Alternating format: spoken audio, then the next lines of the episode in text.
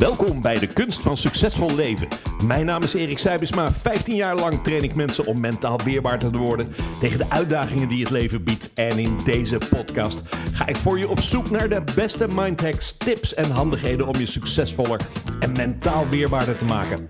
Deze podcast gaat niet over snelle trucs, gaat niet over open deuren of over hoe succesvol ik ben, maar draagt bij aan om je leven mentaal makkelijker te maken en succesvol te blijven. Succesvol als ondernemer, mama, papa, werknemer, werkgever, partner, maar vooral als mens. Welkom bij de kunst van succesvol leven.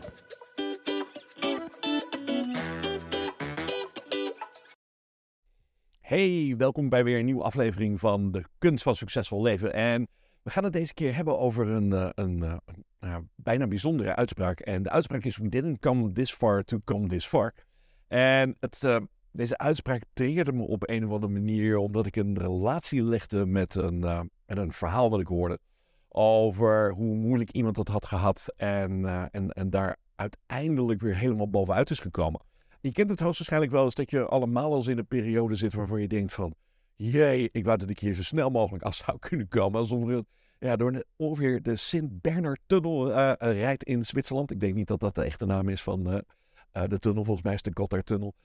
maar dat hier, er lijkt geen einde aan te komen aan, aan die tunnel. En zo heb je soms ook periodes in je leven waarin je alleen maar negativiteit lijkt te hebben. Er gebeuren slechte dingen. je komt met slechte mensen in aanraking. Uh, werk loopt niet lekker. Shit collega's, shit familie. Nou ja, weet je, noem het allemaal maar op.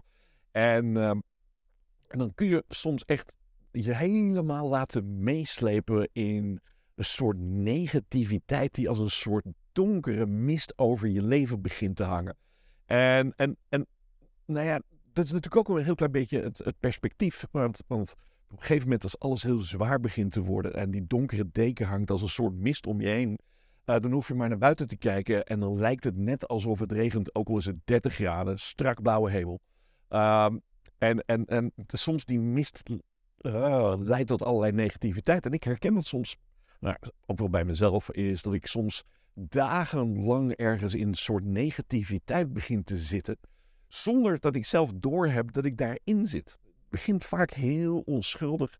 Eerst dat je heel even boos, geïrriteerd of zaggerijnig wordt van dat iemand van rechts je geen voorrang geeft. Dat je daar eigenlijk oeverloos over blijft nadenken waarom je nou geen voorrang kreeg op die, eh, op die hele specifieke weg. En dat was ook nog.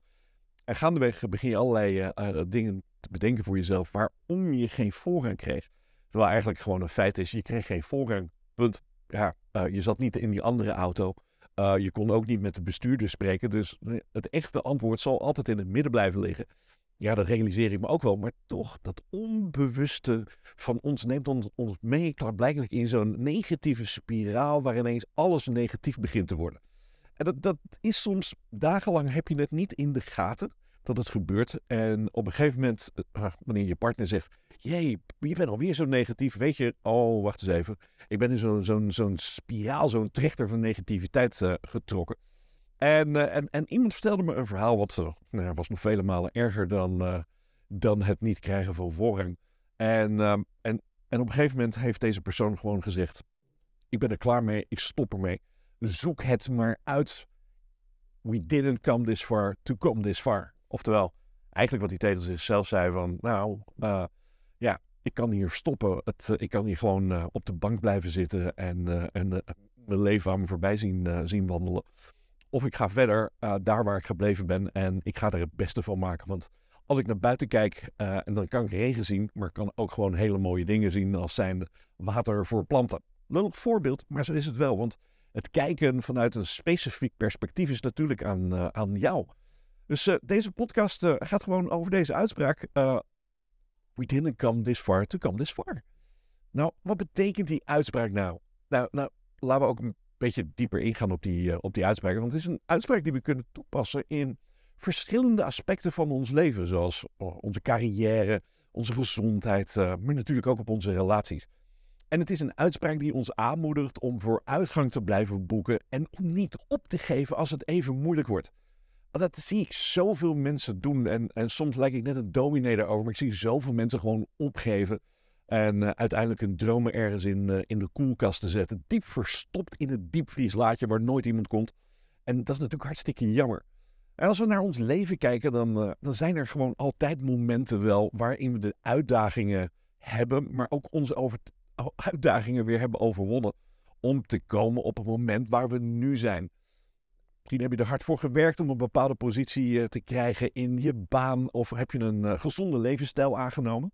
Of, uh, of heb je gewoon een relatie hersteld na een moeilijke periode? Het is belangrijk om te onthouden dat we niet voor niets zo ver zijn gekomen en dat we dus moeten blijven streven naar succes. Nou, een van de NLP-technieken om je daar een steuntje in de rug bij te geven is reframing. Omdenken noemen we het ook wel eens. Althans, dat zijn de mensen van omdenken die het zo noemen. Uh, maar uh, in het Nederlands heet het herkaderen, maar reframing klinkt natuurlijk vele malen mooier. Nou, reframing is een techniek die ons kan helpen om, om gewoon anders naar een situatie te kijken. Nogmaals, het kan hartstikke regenen en je denkt bij jezelf van een klote leven. Of je denkt bij jezelf, hé, hey, het regent, wat een fijn moment om nu naar buiten te gaan en te genieten van wat de natuur ons brengt. Uh, dus het is gewoon niks anders dan uh, nieuwe mogelijkheden te zien, ook zelfs in de meest slechte dingen. Dus het is een manier om ons denken en ons perspectief te veranderen. En in plaats van ons te concentreren op, uh, op wat er misgaat, kunnen we ons natuurlijk ook gewoon richten op wat we kunnen veranderen en hoe we vooruitgang kunnen boeken. Een manier om reframing toe te passen is ons taalgebruik te veranderen. In plaats van negatieve woorden kunnen we ook positieve woorden gebruiken. In plaats van te zeggen ik kan het niet doen, kan je gewoon zeggen ik kan het proberen en leren van mijn fouten. Of uh, wacht eens even, uh, dit is moeilijk. Nee, dit is nog niet zo makkelijk. En je zegt hetzelfde, alleen er zit een bepaalde mate van positiviteit in. Moeilijk, gadverdamme. Hé, hey, dit is nog niet zo makkelijk. Ik kan dit leren. Uh, door dat positieve taalgebruik zul je vaak merken, is dat je intern jezelf andere suggesties geeft. En als het ware dus ook als het op een andere manier, uh, op een andere manier programmeert. Dus door ons te concentreren op wat we wel kunnen, kunnen we onze motivatie vergroten en, en daarmee ook onze angst en twijfel verminderen. Nou, uh, ik denk er al een paar voorbeelden genoemd van, uh, van hoe je zou kunnen herkaderen of reframen. En, uh, en hoe ons dat kan helpen in ons dagelijks leven. stel je voor, je, je zit nu toevallig in de omstandigheid dat je een baan hebt waar je gewoon echt niet blij mee bent. Je hebt echt gewoon de shit in.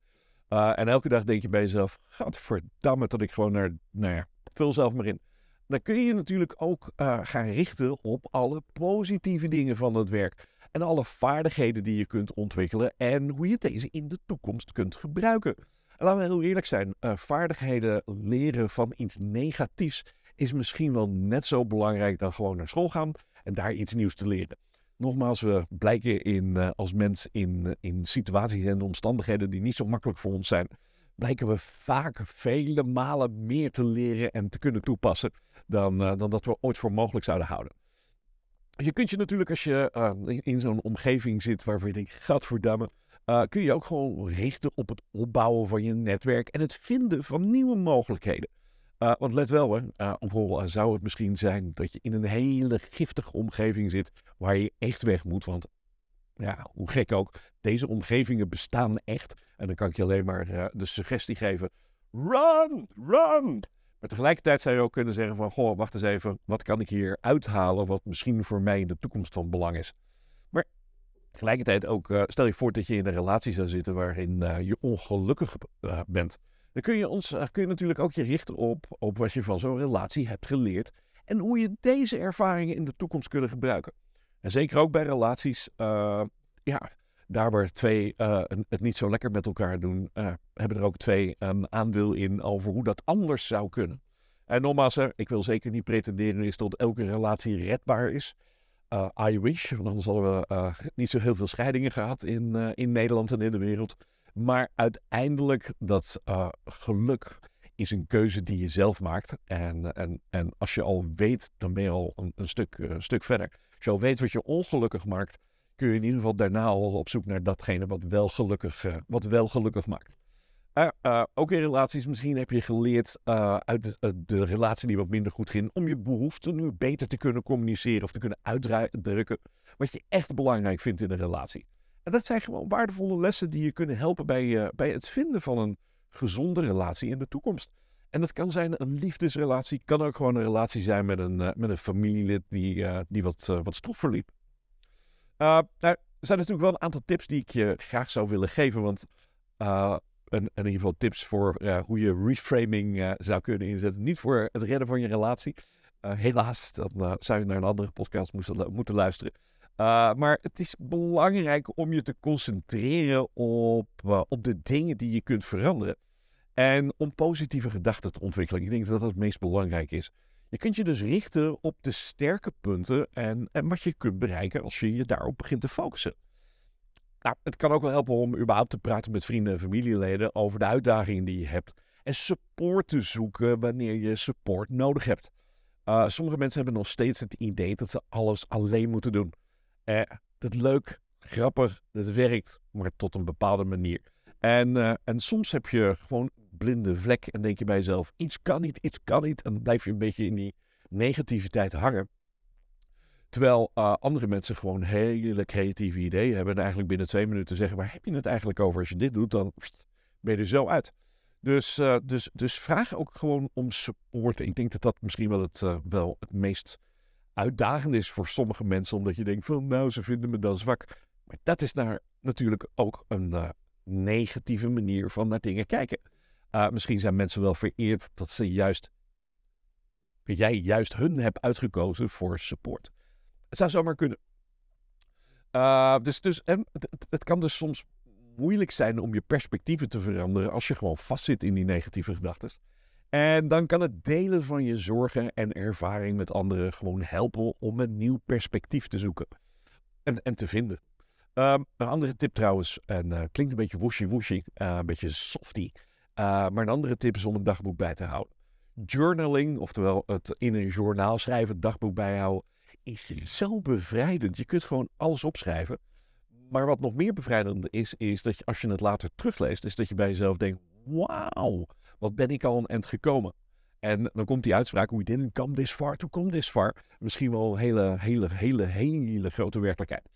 Dus door je gedachten en je gevoelens op te schrijven, kun je ook je emoties beter begrijpen en, en kun je gewoon nieuwe manieren vinden om problemen aan te pakken. Uh, dus door je te concentreren op die dingen die je kan veranderen en door je te richten op positieve gedachten en mogelijkheden, word je vele malen meer mentaal weerbaar en wordt je leven hoogstwaarschijnlijk een stuk beter. En ineens zul je merken, is dat je soms dingen begint aan te trekken die je oor voor onmogelijk eh, hebt gehouden. Want uh, misschien ben je wel een heilige uh, aanhanger van uh, het woord manifesteren of manifestatie. Populair begrip tegenwoordig. als je maar genoeg manifesteert, dan komt het ook. ik denk er net iets anders over. Ik denk dat manifestatie voornamelijk te maken heeft met je vaardigheid. Om de mogelijkheden in dingen te zien in plaats van de onmogelijkheden te zien. Want het is heel simpel. Als je je brein de opdracht geeft om mogelijkheden te spotten in je leven. Dat nou gaat over relaties, of dat nou gaat over uh, werk, of dat gaat over geld. Op het moment dat je mogelijkheden spot, zul je merken is dat het een stuk makkelijker begint te worden dan dat je zoekt naar de onmogelijkheden in iets. Dus uh, een goede tip bij uh, manifesteren. Let op je taalgebruik en zorg ervoor is dat je zoekt naar mogelijkheden. En, en elke mogelijkheid is er één. Ik, ik, hoor vaak van, ik kan niet dat. En dan geef je tien mogelijkheden en zeg je, ja, maar dat gaat allemaal niet werken. Alsof mensen het tot 20.000 keer gedaan hebben en al, alles hebben, al, hebben afgevinkt, gaat niet werken. Uh, manifesteer, maar met positief taalgebruik en positiviteit. Zodat je ja, daadwerkelijk ook dingen begint aan te trekken. Niet omdat ze naar jou toe komen, maar het is omdat jij er onbewust naar heen begint, begint te wandelen. Dus uh, de uitspraak we didn't come this far to come this far. Is denk ik iets wat je ergens op je muur zou moeten schilderen of op een pasje moet zetten of op een kaartje moet zetten. Uh, om te zorgen is dat je altijd gewoon doorgaat en, en niet opgeeft. En natuurlijk, uh, als iets niet werkt, doe vooral iets anders om te zorgen dat je dat resultaat krijgt. nogmaals, het kan zo zijn is dat je misschien in een hele negatieve periode zit. Dat je bij jezelf denkt, hé, hey, je hebt makkelijk praten, Erik. Eh, dat gaat hartstikke leuk. We didn't come this far to come this far. Uh, ik zie het even niet meer zitten. Dat kan. Maar you didn't come this far to come this far. Onthoud dat. Ik hoor je graag bij de volgende podcast van De Kunst van Succesvol Leven. Adios!